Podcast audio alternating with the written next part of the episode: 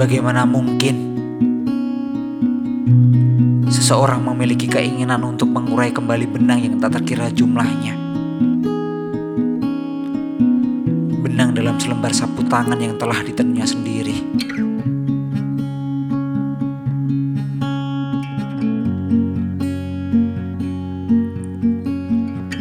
Bagaimana mungkin seseorang bisa mendadak terbebaskan dari jaringan benang yang susun bersusun, silang menyilang, timpa menimpa, dengan rapi di selembar sapu tangan yang sudah bertahun-tahun lamanya,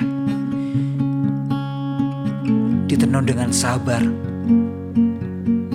oleh jari-jarinya sendiri.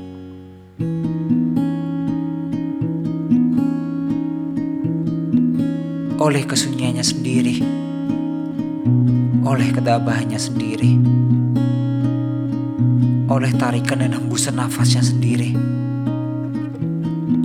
oleh rintik waktu dalam benaknya sendiri, oleh kerinduannya sendiri, oleh penghayatannya sendiri.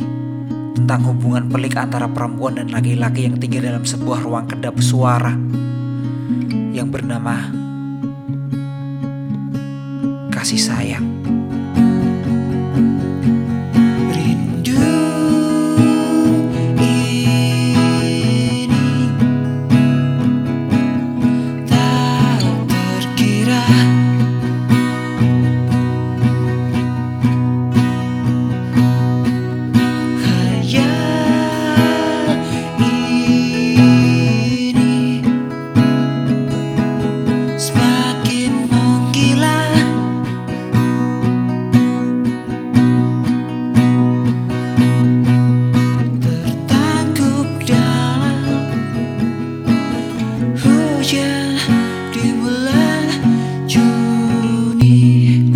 Tak ada yang lebih tabah dari hujan bulan Juni.